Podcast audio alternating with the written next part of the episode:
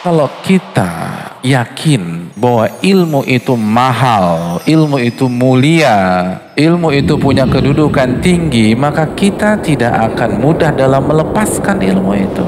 Kita akan jaga sesuatu yang punya value, yang punya nilai, nggak mungkin kita biarkan lewat begitu aja. Kecuali kalau nggak bernilai, betul dilihatin aja. Kalau duit kan langsung kita jaga, kita ikat tuh duit. Karena kita yakin uang itu punya nilai. Makanya ini salah satu parameter sejauh mana sih kita memuliakan ilmu. Lihat nyatet apa enggak.